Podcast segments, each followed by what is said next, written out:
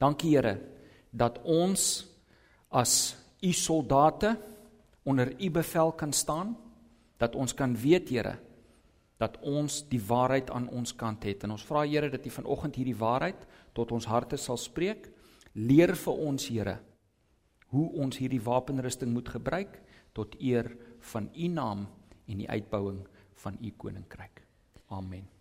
Amen. Here vorm ons deur u woord. Efesiërs 6. Blaai asseblief in jou Bybel saam met my na Efesiërs hoofstuk 6.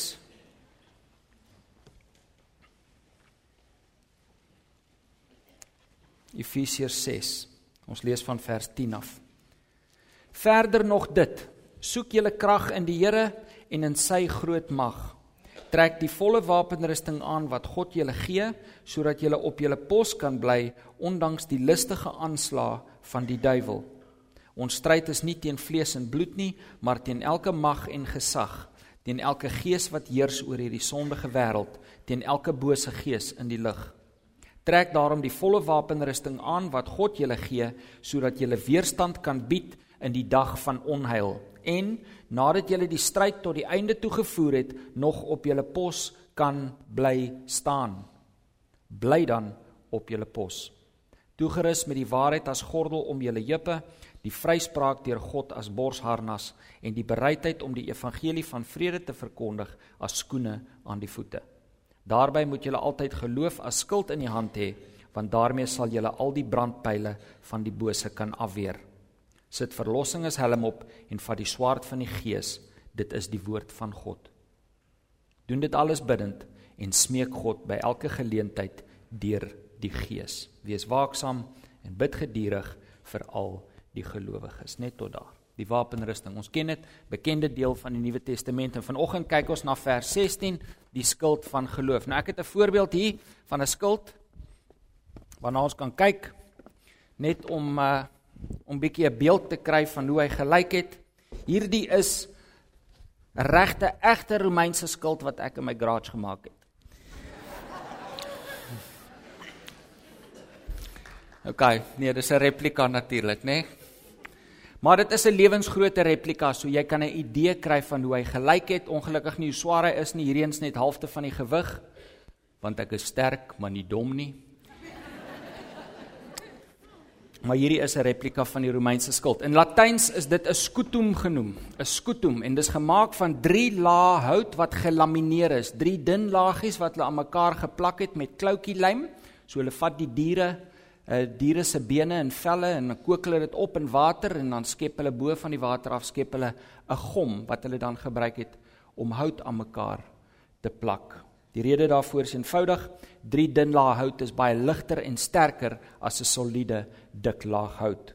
Hulle het dan die hout oorgetrek met leer en daardie leer is dan geverf, as ek hom nou net ietjie verhoog, miskien kan hou vir 'n oomblik.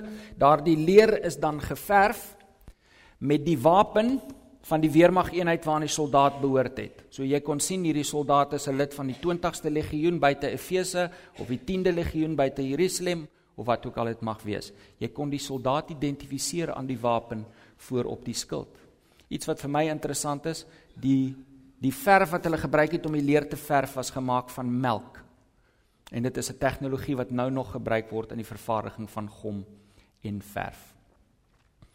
Om die skild aan die buitekant kan jy sien is daar 'n silwer raam. Daardie eysterraam om die buitekant van die skild was daar om te verhoed dat 'n swaard hou deur die houtkap.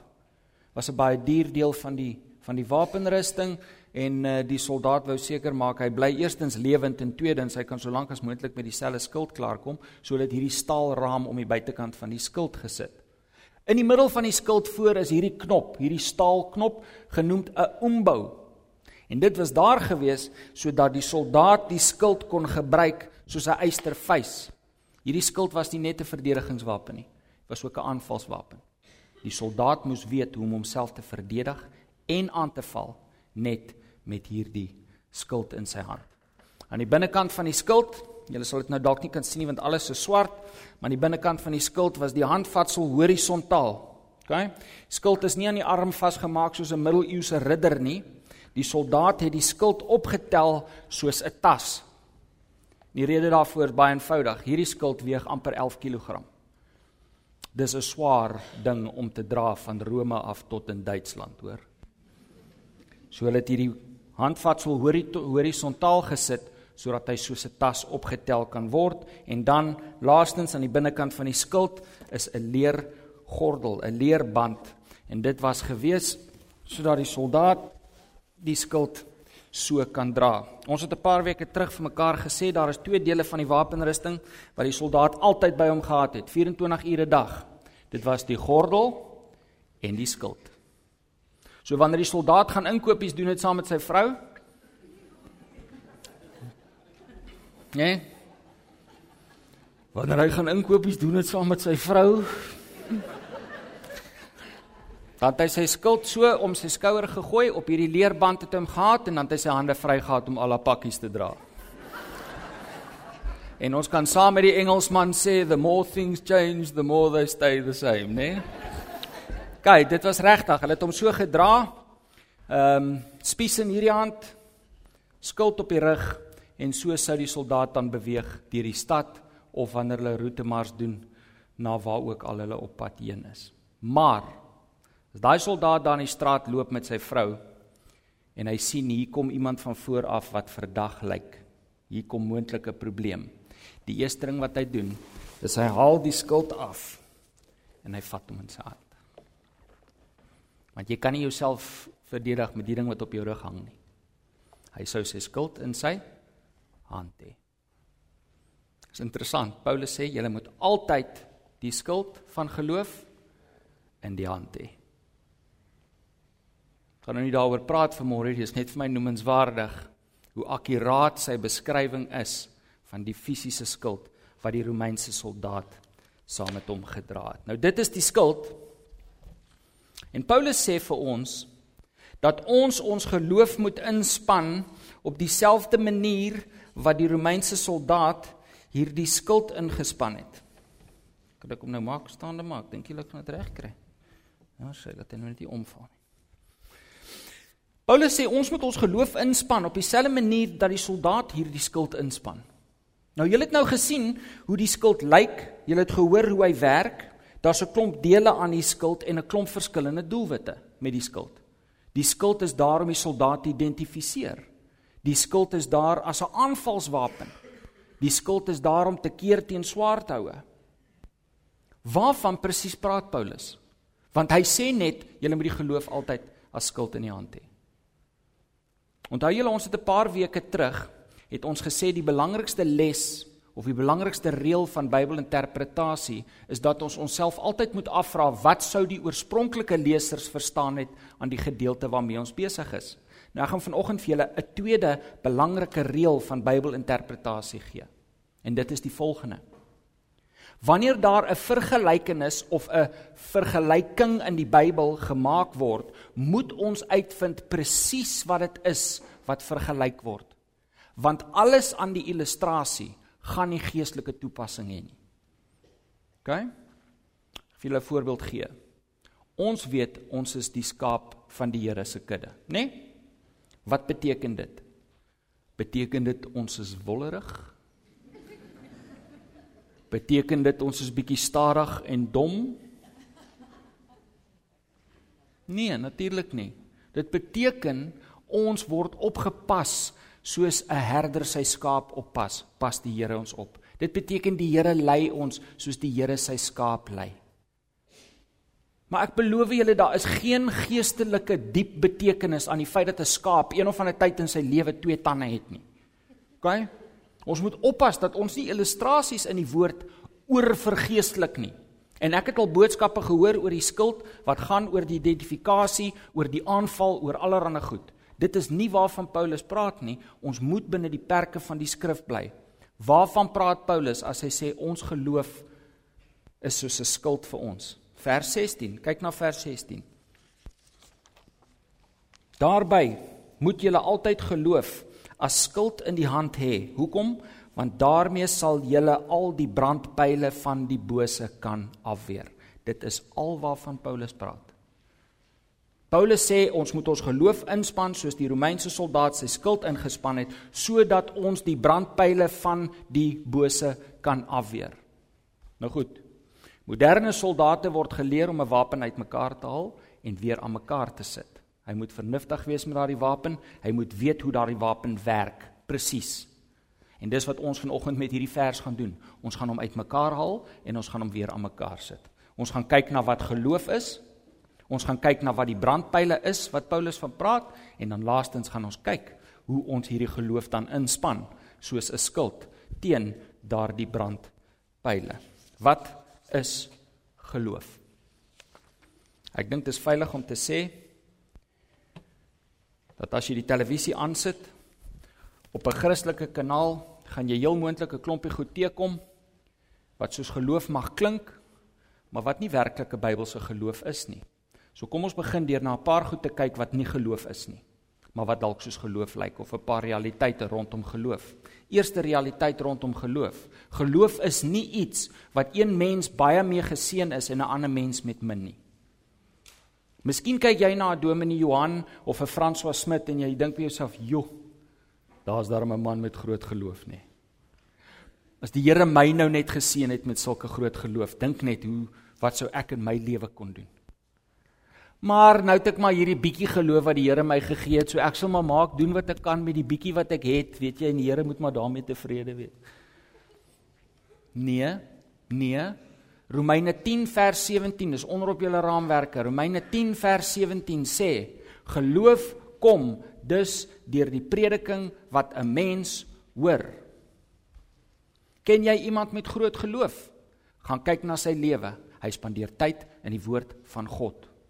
Wat Paulus daar sê is: Ons geloof groei na mate ons die woord van God in ons lewe inneem en gehoor gee daaraan. Dit help nie net ek hoor dit nie. As ek die geloof, as ek die geloof wil groei in my lewe, moet ek my toespits op die studie van die woord van God en ek moet gehoorsaam wees aan daardie woord. Dan sal my geloof groei. As jy swak in geloof, voel jy dat jy meer geloof kort, spits jou daarop toe om die woord van God in jou lewe in te kry. Sluit by Bybelstudiegroep aan. Maak seker jy verlaat nie die huis in die oggend voordat jy jou Bybel oopgemaak het nie. Bring jouself voor die Here. Wees gehoorsaam aan daardie woord. Nommer 2 geloof is dus nie iets wat van self in ons groei nie. Geloof groei nie van self nie. Miskien is jy 'n jong Christen en jy kan nie wag vir 20 jaar van nou af tot jy groot geloof het soos so en so of so en sis nie.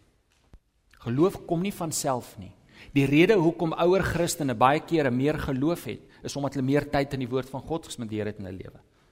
Maar geloof groei nie van self nie. Hier agter sit 'n paar jong mense wat groot geloof het, wat sterk gelowig is. Ek kan dit hoor as hulle praat. Ek hoor die geloof in hulle woorde. Ek kan sien dis mense wat tyd saam met die Here spandeer. Jong mense met sterk geloof wat hulle spits hulle toe op die studie van die woord. Nommer Geloof is ook nie 'n manier vir my om dinge by die Here te kry nie. Geloof is nie 'n manier vir my om dinge by die Here te kry nie. Daar's daar's 'n wêreldwye beweging aan die gang in die kerk wat vir ons probeer oortuig dat as jy genoeg geloof het, gaan jy ryk wees, gesond wees, jou besigheid gaan floreer, jou kinders gaan soeter wees. Ek het alselfs gehoor jy moet jouself maar glo. Ek beloof julle, ek het die hele boek daaroor gesien een keer. Geloof is nie, hoor mooi wat ek sê asseblief. Geloof is nie 'n manier vir my om God op my agenda te plaas nie. Geloof is hoe ek op God se agenda kom. Nie andersom nie. En vir baie mense is geloof 'n manier om die Here te probeer manipuleer om te kry wat hulle wil hê. As ek sterk genoeg geloof het, het die Here nie 'n keuse nie. Dan moet hy vir my gee wat ek wil hê. Dit is nie in die Bybel nie. Ek het al die voorbeeld vir julle genoem. Ek het eendag met my eie ore gehoor waar iemand gesê het as jy genoeg geloof het, hoef jy nie die Here te vra vir 'n Mercedes nie. Jy vertel hom wat se kleur dit moet wees. My eie ore gehoor. Dit is nie geloof nie. Broer en suster, geloof is hoe ek op God se agenda kom. Dis nie 'n manier vir my om God op my agenda te probeer plaas nie. En laastens geloof is nie optimisme nie. Geloof is nie optimisme nie. 'n Pessimis sien die glas half leeg. Die optimis sien die glas half vol. Die superoptimis is opgewonde want daar's 'n glas. Nou jy weet ek werk saam met 'n paar sulke mense, absolute superoptimiste. Jy weet hulle is so positief, jy kan die glimlagte van hulle gesigte nie afgeslaan kry nie. Opgeruimd, vrolik, niks kry hulle onder nie. Jy weet. Ons moes nou die dag moes ons 2 miljoen rand betaal as bydra tot 'n iets wat 'n kliënt wou gehad het en ons moes dit uit ons sakke betaal het en ek praat toe met een van ons direkteure en die ou het net so groot smile op sy gesig. Hy sê ja, maar Jesus, nou hou hulle van ons weer. Jy weet 2 miljoen rand, maar hy is positief daaroor. Die glas is al vol, hoor. Hy's 3 kwart vol. Hy man, daar's 'n glas, wees bly. Jy weet. Maar hy's nie 'n Christen nie. Hy's nie 'n Christen nie, hy's nie 'n gelowige nie. Daai positiwiteit en daai optimisme is nie geloof nie. Dis net optimisme en positiwiteit en dis wonderlik. Maar ons moenie die twee verwar nie. Ek staan eendag in 'n en en in 'n groepie en Nicole was nog baie klein gewees en ek noem toe dat sy siek is. Ek sê, "Ag, weet jy my meisiekind's baie siek. Sy het 'n koors en ai ek is My woorde was nie koud gewees nie of iemand uit die groep sê vir my, "Ek bestraf daai woorde in Jesus naam." En ek ek dink toe ek het miskien weet ek wat ek sny dit af. Ek moenie goed wat wat het ek wat het ek Nee, jy mag nie so goed sê nie asof geloof nou vir my sou wees om my hande op my ore te druk en te ignoreer dat my kind daar lê met 'n keel wat opgeswel is en 'n koors van 39. Asof dit geloof is.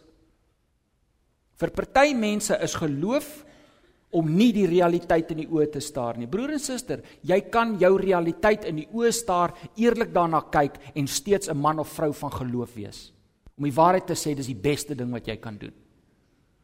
Dit help nie wanneer daai SARS koevert kom, jy moet die asblik gooi in Jesus naam nie. Right? Maak die ding oop, kyk wat daar staan, gaan sien hulle en maak reg wat jy kan. Die Here sal jou help. Nee, hoorie, ek het al ouens gesien, ek het in 'n kerk een aand gesien waar 'n ou op sy bril trap so. Want die Here gaan sy oë gesond maak en die volgende dag toe moet hy weer gaan geld uithaal en sy vrou se kwaad vir hom want hy het nou 'n nuwe bril koop en Gaan Dis nie geloof daai nie mense. Dis nie geloof nie. Paulus in in in Handelinge, ek dink is Handelinge 20 of 21. Julle kan my gaan opcheck. Handelinge 20 of 21 sê Paulus, ek moet teruggaan Jerusalem toe om gearresteer te word en die die broers en die susters wou vir hom keer. Hulle wou vir hom sê nee Paulus moenie gaan nie. Bly by ons. En hy sê vir hulle, "Hoekom probeer julle my hart sag maak? Ek weet wat vir my voorlê. Daar wag vir my ketTINGS." Man van geloof. Maar hy het geweet wat voor lê, hy het gesien wat aangaan en hy het God se wil vir sy lewe gevolg. Hy het nie gesê nee, daar is nie ketTINGS nie, daar's nie ketTINGS nie. Geloof is nie optimisme nie. Geloof is nie blindelingse positiwiteit oor goed nie. Jy kan jou realiteit in die oë staar en 'n man of vrou van geloof wees. Alraai, so dis wat geloof nie is nie. Wat is geloof dan? Baie eenvoudig, Hebreërs 11 vers 1 vertel ons wat geloof is en ek gaan vir julle lees uit die boodskap. Die boodskap stel dit vir my baie mooi. Die boodskap stel dit so. Wat beteken dit Hebreërs 11:1? Wat beteken dit om op God te vertrou? Geloof of vertroue in God beteken, hoor mooi, om nie een oomblik te twyfel nie dat hy sy belofte sal hou en om daarna uit te sien. Dis geloof. Geloof beteken om nie een oomblik te twyfel dat God gaan doen wat hy gesê het nie en dit beteken ook om daarna uit te sien. Op die raamwerke. Geloof is die vaste oortuiging dat God waar is en dat sy woord waar is. Dis geloof. Geloof is die vaste oortuiging dat God waar is en dat sy woord waar is. En dis 'n keuse broer en suster wat ek oor en oor in my lewe moet maak. Elke keer wat ek gekonfronteer word deur 'n glas wat vir my half leeg lyk, dan kies ek van voor af weer om te glo dat God waar is en dat sy woord waar is. Dis 'n keuse wat ons oor en oor maak en hoe meer ons tyd in die woord spandeer, hoe makliker word daardie keuse. Hoe minder twyfel is daar in ons harte. OK, so ons het nou gekyk na wat geloof is. So wat is die brandpyle wat ons met hierdie geloof moet afweer? Ek gebruik nou net 'n simpel voorbeeld net vir die illustrasie.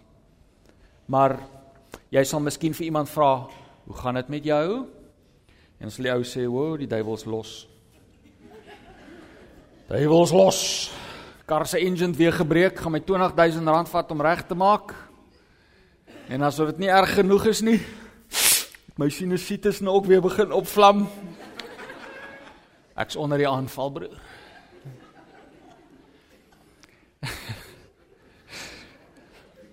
nou weet jy daar is dalk 'n aanval. Ek weet nie, dit is dalk 'n aanval. Maar dit is nie die brandpyle wat Paulus hiervan praat nie. Jou kar se engine wat breek en goed, dis nie die brandpyle wat Paulus van praat nie. Ek weet dit, want hy sê met die skild van geloof kan ons die brandpyle afweer. In ander woorde, ons kan verhoed dat daar skade kom. Nou as jy daar langs die pad staan, jou engine lê daar op die sypaadjie en jou neus loop verwoed, is die skade klaar daar. Jy kan nou glo wat jy wil, die engine bly net daar lê. So dit kan nie wees wat Paulus van praat nie. Paulus praat hier van iets wat ons kan verhoed dat dit gebeur. Die brandpyle van die bose is nie jou kar se engine wat breek nie. Dis nie jou sinusitis wat opvlam nie, dis nie jou besigheid wat sukkel nie. Die brandpyle van die bose, broer en suster, is die gedagtes wat die duiwel in jou kop probeer inprop wanneer daai dinge gebeur. Op die raamwerke. Die brandpyle is die duiwel se leuns wat hy ons van probeer oortuig veral in moeilike tye. Dis die brandpyle. Brandpyle is die duiwel se leuns wat hy ons van probeer oortuig veral in moeilike tye. En ons kan verhoed dat daardie brandpyle skade maak in ons lewe. En ons gaan kyk net nou na hoe ons dit doen. Jy staan daar langs die pad, engine is stikkend. Jy's klaar uit die tweede boks tissues uit vir die week. Jou budget vir sneusie doeke is op. En nou die engine nog gebreek ook. En die gedagte kom in jou kop. Nee. Is dit nou die beloning vir al jou getroue diens by die gemeente? H? Huh? Sjoe. Here is daarom goed vir jou, nê? Nee? Kyk waar lê jou engine. Net 'n paar maande terug jou hart vir die Here gegee en kyk waar's jy slegter af as ooit. Klink nie vir my soos 'n goeie herder nie. Dis die brandpyle. Die brandpyle is daardie gedagte wat in jou kop kom wanneer jy die vensterkoevert oopsny en dis nog baie slegter nuus as wat jy verwag het. Ek het so 'n paar jaar terug het ek 'n Daar was 'n probleem gewees met my belasting en hulle trek 2 of 3000 rand van my salaris af, trek SARS direk af. Ek skrik my boeglam. Ek gaan sien hulle, ek stap daar in. Ek is reg vir 'n 3000 rand fight met hierdie ou pel. En toe ek instap, toe sê hy: "Nee meneer, nee nee nee, is nie 3000 rand nie. Dis 44." Hierdie is die eerste 3. Die gedagtes wat dan in jou kop kom. Dis die brandpyle van die bose. Die dokter bel jou. Mevrou, ek dink jy moet my kom sien asseblief. Ons het iets om oor te praat. En in daardie oomblik hoor jy 'n stem in jou ore wat vir jou vra: "Waar's jou God nou?" Dis die brandpyl. Dis die brandpyl. En ek en jy broer en suster kan verhoed dat dit skade in ons lewe maak. Prys die Here vir sy goedertierenheid en sy genade. Die brandpyle is altyd daarop gemik om jou te kry om te twyfel in God se liefde, God se genade en in God se woord. Dis die doel van daardie brandpyl en ons sien dit. Dis presies wat hy met Eva gedoen het. Hy het nie aan Eva geraak nie. Hy het nie aan Eva geraak nie.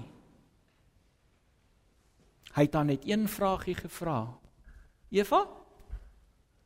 Het God regtig gesê? Net daai bietjie twyfel. Net daai druppel twyfel. En pleks daarvan dat Eva haar geloof skuld gebruik, gee sy gehoor daaraan. Haai, weet jy ek het nog nie daaraan gedink nie. Vertel my meer. En die duiwel trek haar in en ons weet wat die gevolg daarvan was, né? Nee? Al wat hy gedoen het, hy twyfel in haar hart gesaai. Nou, die brandpyle, interessante beeld wat hulle gebruik. Wat die Romeine se vyande gedoen het, is hulle vat 'n pyl En hulle doop die pyl in een of ander vlambare vloeistof. Ek neem aan dit was 'n mengsel van asfaltium en olie of iets. Hulle steek hom aan die brand en dan vuur hulle hom. Hulle skiet hom af op die Romeinse soldate. En waar daardie pyl land, spat daardie olie en hy steek alles aan die brand. Daai klein vlammetjie, daai klein vlammetjie kan 'n hele stad afbrand as hy nie gekeer word nie. En ons sien dit, né? Het God regtig gesê, Eva? En daar is die sondeval se oorsprong. Nou goed. So nou is ek 'n Romeinse soldaat en ek het nou my skild en hier kom hierdie brandpyl. Ek sien hom. Hier kom hy en ek keer. Wat gebeur? Daai vlambare pyl land op 'n hout skild. En daai olie spat. So ek keer dalk die pyl maar alles brand nog steeds af. So wat die soldate gedoen het om dit te verhoed, is hulle het voor 'n geveg hulle skulde geneem en hulle geweek in water. En hulle week daai skuld tot hy deurdrink is van die water. Dan haal hulle hom uit. En nou gaan hulle oorlog toe. Want nou wanneer hy sy skuld oplig om daardie pyl te keer, keer hy nie net die punt van die pyl nie, maar hy blus ook die vlam, né? Nee? Vers 16 sê daarby moet julle altyd geloof as skild in die hand hê, want daarmee sal julle al die brandpyle van die bose kan afweer. Griekse woord afweer is sibesai. En sibesai beteken om te blus. Paulus sê nie net sal jy daai pyl keer nie, maar jy sal die vernietigende krag van die vlam ook kan blus met jou skuld. Hoe doen jy dit? Deur jou skuld te doop in water. Efesiërs 5:26 sê die Here Jesus het die gemeente gereinig met die waterbad deur die woord. Dwars deur die Bybel word die woord van God vergelyk met water. Dawid het gebid, Here, was my met water en daar het hy gepraat van die woord van God. Hy het gesê, Here, laat u woorde oor my spoel en my reinig. Eerste hoofstuk van Openbaring sê die stem van die Here Jesus Christus is soos 'n duisend waters. En ons sien hier in Efesiërs dat Christus die gemeente reinig met die waterbad deur die woord. Dwars deur die Bybel word die woord vergelyk met water, want water is suiwer Water reinig. Water gee lewe. Psalm 19 sê elke woord van God gee lewe. En ons sien hier in Efesiërs 6 dat die water van die woord die vernietigende krag van die duiwelse leuns sal blus. Ons weet wat die skuld is. Ons weet nou wat die brandpyle is. Hoe werk hierdie skuld van geloof? Blaai saam met my asseblief na Matteus hoofstuk 4. Matteus 4.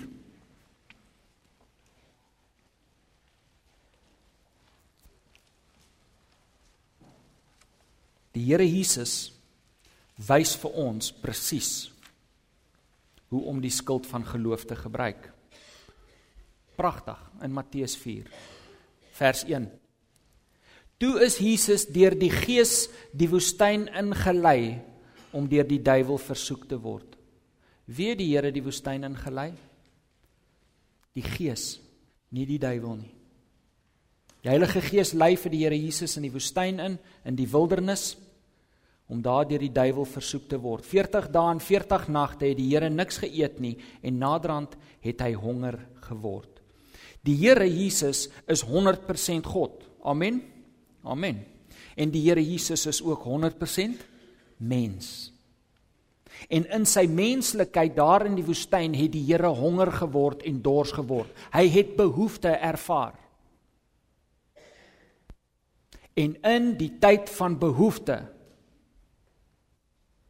vers 3 in die tyd van behoefte kom die versoeker, die duiwel na hom toe.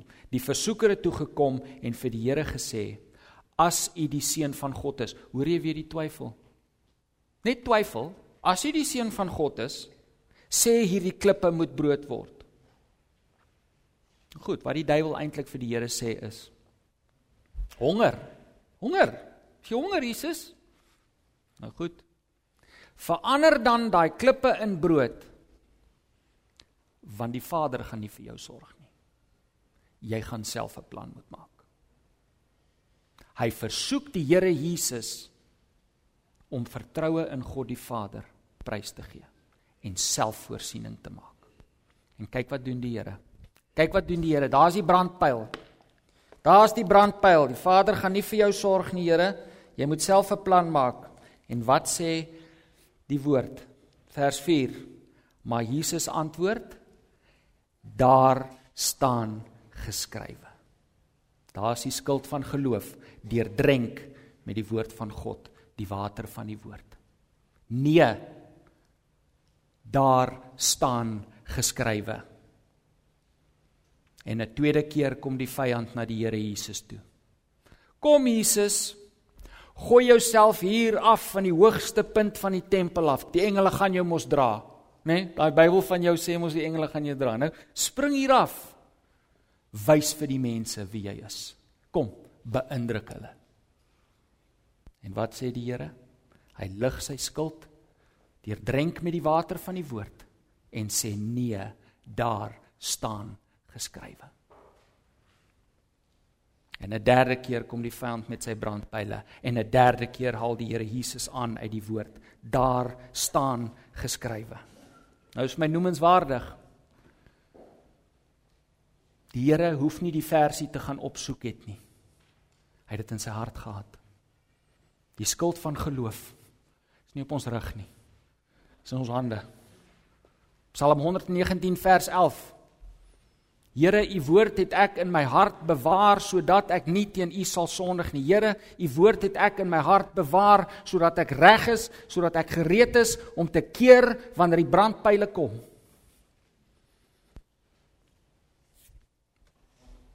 Wil jou vanmôre vra In watter wildernis bevind jy jouself dalk vanmôre? In watter woestyn bevind jy jouself? Miskien bevind jy jouself in 'n wildernis van finansiële probleme. En die brandpyl wat die duiwel op jou afvuur is 'n brandpyl van oneerlikheid.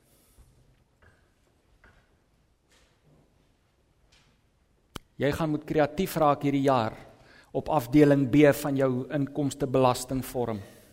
Want die Here gaan nie vir jou sorg nie, jy gaan maar self 'n plan moet maak. Niemand gaan weet nie. Niemand gaan weet nie, man, maak net 'n In daardie oomblik is my gebed dat jy die geloof skuld sal oplig deur drenk met die woord van die met die water van die woord en sê nee, daar staan geskrywe in Filippense 4, my God sal in elke behoefte van my voorsien. Miskien bevind jy jouself in 'n wildernis van selfbeeldprobleme. En die brandpyle wat die duiwel op jou afvuur is pile van selfhaat en selfverwyd. My gebed is dat jy daardie skuld sal oplig en sê nee, Psalm 139 sê die almagtige God het myself gemaak met sy eie hande. Ek is 'n kind van die Hoogste. Of miskien bevind jy jouself in 'n wildernis van uitgeputheid. voel vir jou jy lê jou lewe lank al in 'n loopgraaf en jy kom nêrens. Jy beklei jy stry en jy stoei. Maar daar's nie vir jou oorwinning nie. Dis hoe dit vir jou voel. En die brandpyle wat die duiwel op jou afvuur is brandpyle van moedeloosheid. Hopeloosheid. Hy kom na jou en in die donker ure van die nag hoor jy 'n stem in jou ore wat vir jou sê: "Gee op. Stap weg. Jy het probeer. Niemand kan jou verkwalik nie. Jy het jou bes gegee. Maar dis nou tyd om te los." Mag die Heilige Gees vir jou die krag gee in daardie oomblik om daai skuld op te lig. Om daai skuld op te lig en sê nee Filippense 4 vers 13. Sê ek is tot alles in staat. Ek is tot alles in staat. Deur die Here Jesus Christus wat my die krag gee. Jy staan nie op jou eie nie broer, suster. Jy staan met die gesag van die almagtige God agter jou. Mag die skuld van geloof mag die skuld van geloof jou veilig hou in jou donker tye. Amen. Kom ons sluit die oë. Kom ons sluit die oë. Here Wees ons Here dat U aan ons dink. Wees ons Here dat U U bemoei met ons. En tog Here bemoei U Jouself nie net met ons nie. U stort U genade en liefde oor ons uit. Dankie Here vir U woord.